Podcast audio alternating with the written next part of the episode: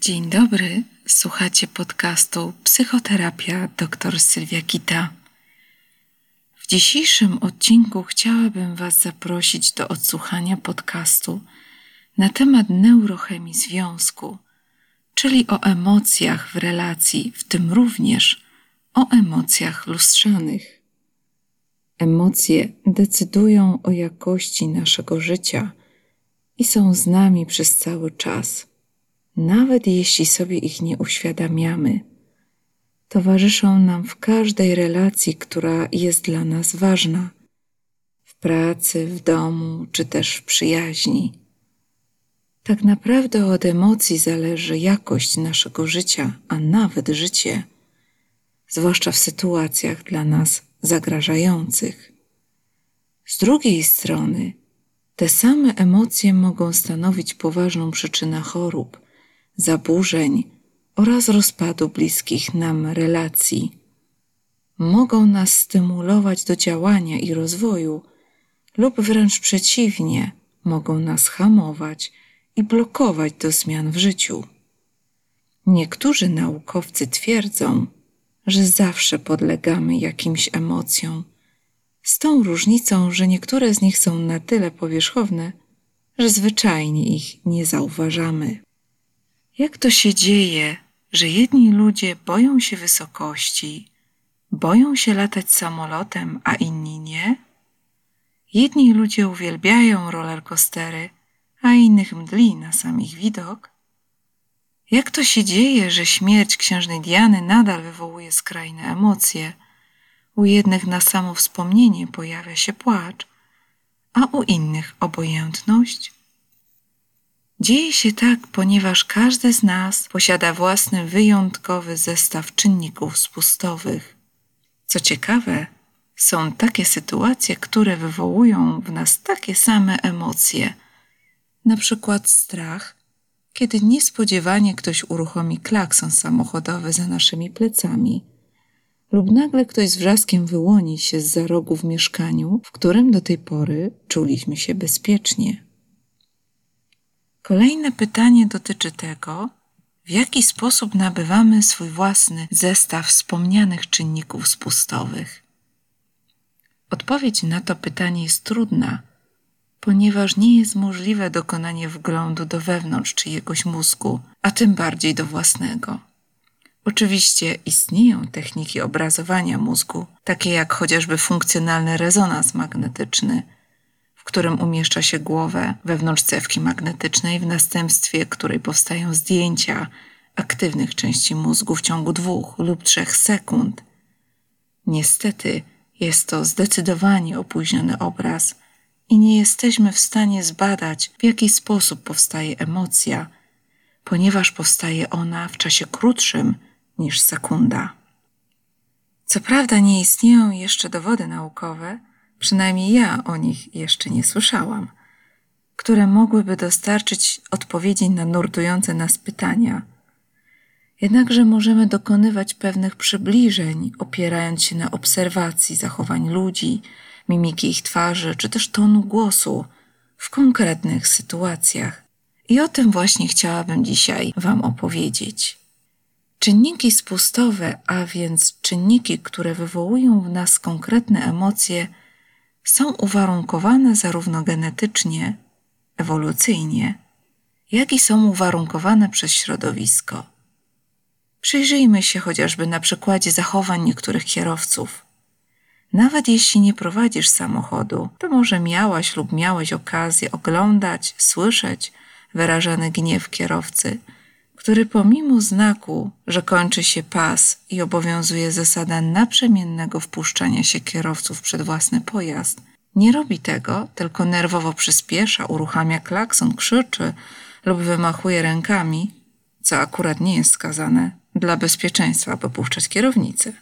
Ten przykład należy do uwarunkowań ewolucyjnych, Gniew kierowcy jest przykładem gniewu, który ujawnia się w sytuacjach, kiedy ktoś lub coś staje nam fizycznie na drodze i utrudnia lub uniemożliwia osiągnięcie celu. Podobne sytuacje są chociażby w kolejkach w sklepie. Ale jeśli odczuwamy podobny lub niemalże identyczny poziom gniewu w sytuacji, która przypomina nam sytuację z przeszłości, wówczas możemy uznać, że źródłem czynnika spustowego nie jest czynnik ewolucyjny, środowiskowy, genetyczny. Ale jeśli odczuwamy podobny lub niemalże identyczny poziom gniewu w sytuacji, która przypomina nam sytuację z przeszłości, wówczas możemy uznać, że źródłem czynnika spustowego nie jest czynnik genetyczny, ewolucyjny, a jedynie czynnik środowiskowy. Często jesteśmy nieświadomi swoich reakcji na partnera. Przykładowo, jeśli ktoś w dzieciństwie przekraczał nasze granice lub ograniczał nam naszą autonomię, istnieje duże prawdopodobieństwo reagowaniem nadmiarową złością na partnera lub partnerkę w codziennych życiowych sytuacjach. Niestety, im wcześniej w naszym życiu przyswajamy sobie dany czynnik spustowy, a więc ten środowiskowy, tym trudniej jest nam go później neutralizować. Jest to spowodowane tym, iż zdolność do kontroli reakcji emocjonalnych nie jest rozwinięta we wczesnym etapie życia, dopiero możemy to robić zdecydowanie później. Co więcej, badania nad mózgiem i emocjami dowodzą, iż właśnie wczesne dzieciństwo stanowi krytyczny okres kształtowania się osobowości i życia emocjonalnego. Kolejną kwestią, niezwykle ważną w czynnikach spustowych, jest początkowy poziom występowania danej emocji. Im silniejszy poziom przeżywanej danej emocji podczas konkretnej sytuacji, tym trudniej jest nam nad nią panować w późniejszym życiu. Wreszcie, nie bez znaczenia jest częstotliwość doświadczania sytuacji w życiu człowieka. Kiedy mamy do czynienia z bardzo silnym, zwłaszcza na początku, ładunkiem emocjonalnym o dużej częstotliwości, należy spodziewać się, że partner lub partnerka lub my sami, już jako dorośli, nie jesteśmy w stanie rejestrować przez pierwszą lub dwie sekundy, że reagujemy w nieadekwatny, często nadmiarowy do danej sytuacji sposób. Co w takich sytuacjach robić? Pierwszym krokiem jest przede wszystkim identyfikacja tego, co wywołuje w nas przykrą emocję, na przykład gniewu. Możemy zwyczajnie nie zdawać sobie sprawy z tego, że zwykłe pytanie do nas partnera lub partnerki w rodzaju czemu tak późno wróciłaś z pracy nie jest próbą wzbudzania w nas poczucia winy, które mieliśmy wzbudzane na przykład przez matkę lub ojca w naszym dzieciństwie. Zatem pierwszym zadaniem będzie uświadomienie sobie, że czujemy gniew, rozpoznanie wrażeń płynących z wnętrza naszego organizmu – oraz zrozumienie, jak nasza reakcja wpływa na bliską nam osobę. Oczywiście może się to wydawać niewykonalne, ale z drugiej strony warto spróbować. W przypadku trudności z poradzeniem sobie samemu, można zgłosić się o pomoc do doświadczonych i odpowiednio wykształconych psychoterapeutek i psychoterapeutów. Emocje przychodzą i odchodzą pojawiają się i znikają, a na ich miejsce pojawiają się kolejne. W jednym momencie czujemy się szczęśliwi, a więc odczuwamy emocje radości, a za chwilę czujemy irytację. Emocje powstają w nas najczęściej w takich sytuacjach, które doświadczamy jako naruszające nasz dobrostan. Te sytuacje nie muszą być dla nas zagrażające.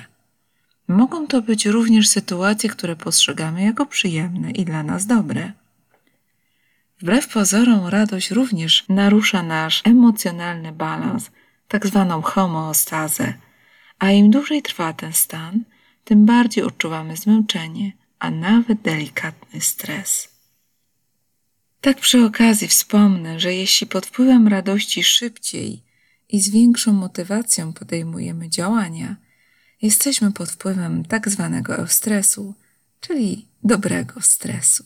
Podsumowując, emocje są reakcjami na zdarzenia, które są przez umysł odczytywane jak ważne dla naszego dobrostanu, naruszają naszą homeostazę.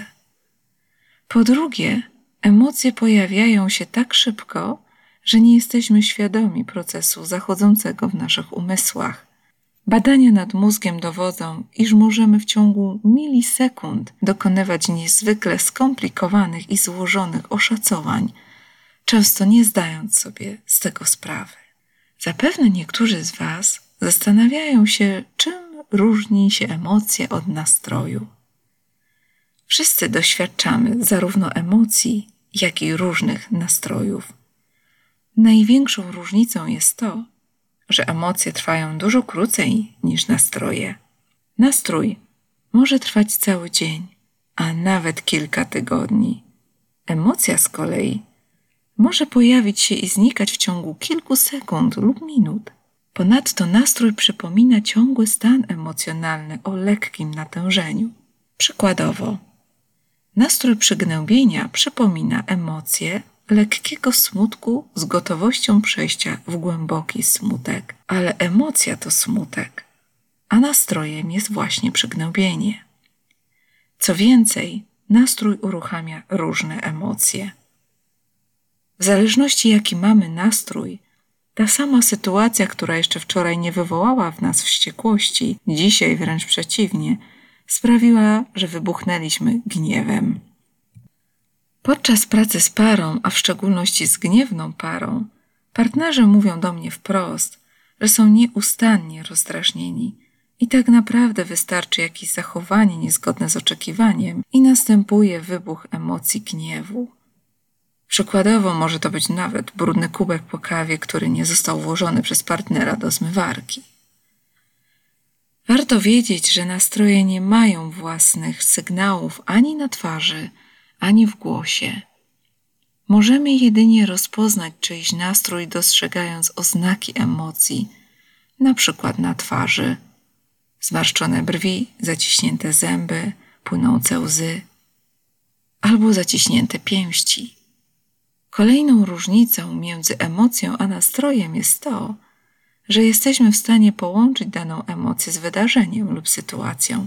Jest to po prostu łatwiejsze. W przypadku nastroju jest to dużo trudniejsze i często trudno jest generalnie nam połączyć nastrój z jakimś wydarzeniem. Ważne jest, zwłaszcza kiedy jesteśmy w związku, że sygnały emocjonalne nie mówią nam nic o swoim źródle powstania. Możesz widzieć swojego partnera rozgniewanego, ale dopóki nie usłyszysz od niego, o co jest rozgniewany, możesz pomylić się w swoich przypuszczeniach. Zatem bardzo ważne jest rozmawiać o swoich emocjach. Żaden z nas nie ma możliwości czytania w myślach. Jeśli sądzisz, że partnerka lub partner domyśli się, z jakiego powodu jesteś teraz smutny lub smutna, to jest to dość ryzykowne ponieważ nie tylko może się nie domyślić, jaki jest Twój prawdziwy powód smutku, może poszukać zupełnie innego źródła powstania tej emocji, a to z kolei może prowadzić do złości i wielu nieporozumień. Często w gabinecie rozmawiam z pacjentami o emocjach. Ostatnio miałam wielką przyjemność pracować z pewną parą, nad zwiększaniem umiejętności okazywania emocji wprost, w tym emocji gniewu. Okazało się, że powodem niewyrażania złości było przekonanie jednej osoby z pary, że gniew to zła emocja, którą należy jak najszybciej stłumić, przemilczeć i zapomnieć. Uświadomienie sobie przez tą osobę, że gniew nie jest złą emocją, a jedynie forma, i poziom jej natężenia może być złe i destrukcyjny dla związku, zdecydowanie ułatwiło jej spójność i autentyczność bycia w relacji z partnerem.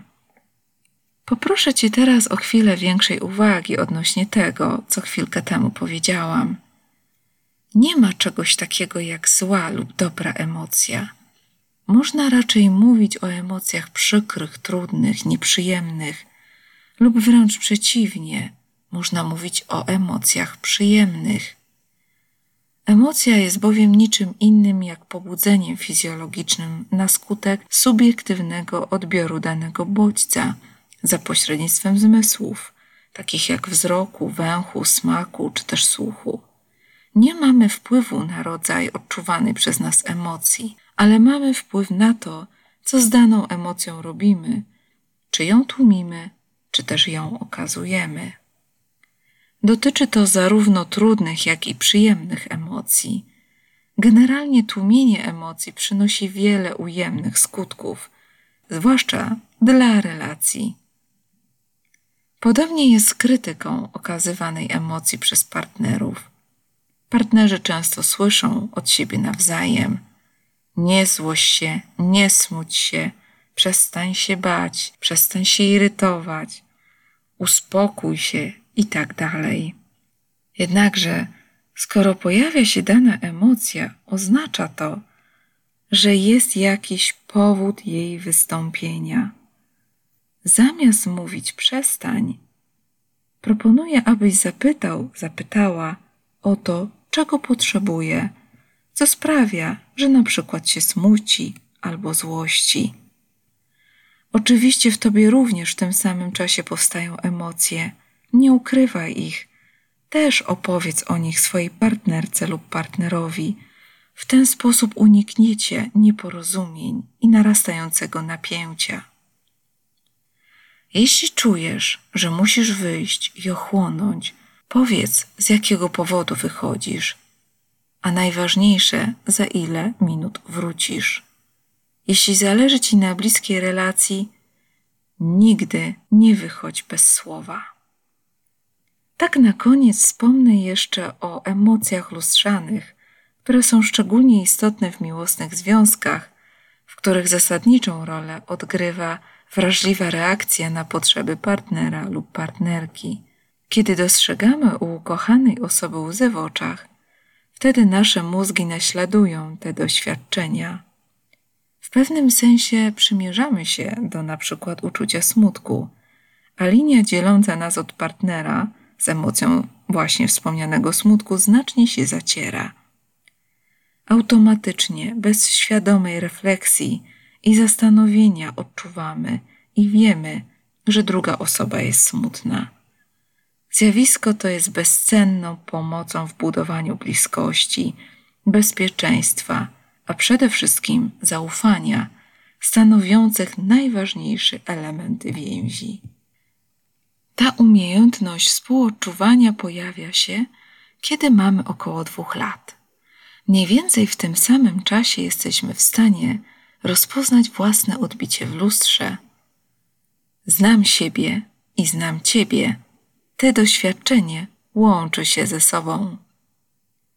Ale jak odróżniamy nasze uczucia od uczuć innych? Otóż podzbiór komórek mózgowych, superneurony lustrzane iskrzą gwałtowniej, kiedy my osobiście czegoś doświadczamy. Słabiej iskrzą, kiedy doświadczamy reakcji innych ludzi. W ten sposób nasz mózg wspiera nasze poczucie własnego ja, a jednocześnie bezbłędnie łączy nas z innymi ludźmi w sferze odczuwanych emocji. Neurony lustrzane nie tylko odbijają zaobserwowane działania innych ludzi, ale pomagają nam rozpoznać intencje drugiego człowieka. Neurony lustrzane nie aktywują się, kiedy widzimy, że ktoś udaje emocje. W miłosnym związku dzięki neuronom lustrzanym automatycznie wiemy, co zamierza zrobić partner, partnerka. Przykładowo, kiedy jesteś zdenerwowana i widzisz u swojego partnera na twarzy zatroskanie i smutek, automatycznie twoje neurony lustrzane zaczynają powielać to, co zobaczyłaś, czyli mniejszą złość na rzecz smutku. Partner przykładowo wyciąga do ciebie rękę i wiesz, że jego celem jest chwycenie ciebie za dłoń. To się dzieje poza Waszą świadomością. Zachęcam Was zatem do podążania za własnymi emocjami i ich wyrażaniu. Bądź natomiast ostrożny, ostrożna w sposobie ich wyrażania, zwłaszcza w sytuacji pojawienia się emocji gniewu. To, że odczuwasz pewne uczucie, emocje, nie jest Twoją winą ani też odpowiedzialnością, po prostu nie masz na to wpływu ale to, co z tym uczuciem, emocją robisz, już jest Twoją odpowiedzialnością. Najważniejsze w tym wszystkim jest wiedza i sama obserwacja siebie samego oraz chęć poznania wewnętrznego świata Twojego partnera lub partnerki. Serdecznie zapraszam Was do obserwowania ośrodka psychoterapii integracyjnej Kwiaty Jabłoni oraz gabinetu psychoterapeutycznego Sylwia Kita na Facebooku i Instagramie. Zamieszczamy teraz tam ciekawe posty dotyczące sposobów dobrej kłótni oraz osobowości człowieka. Do usłyszenia.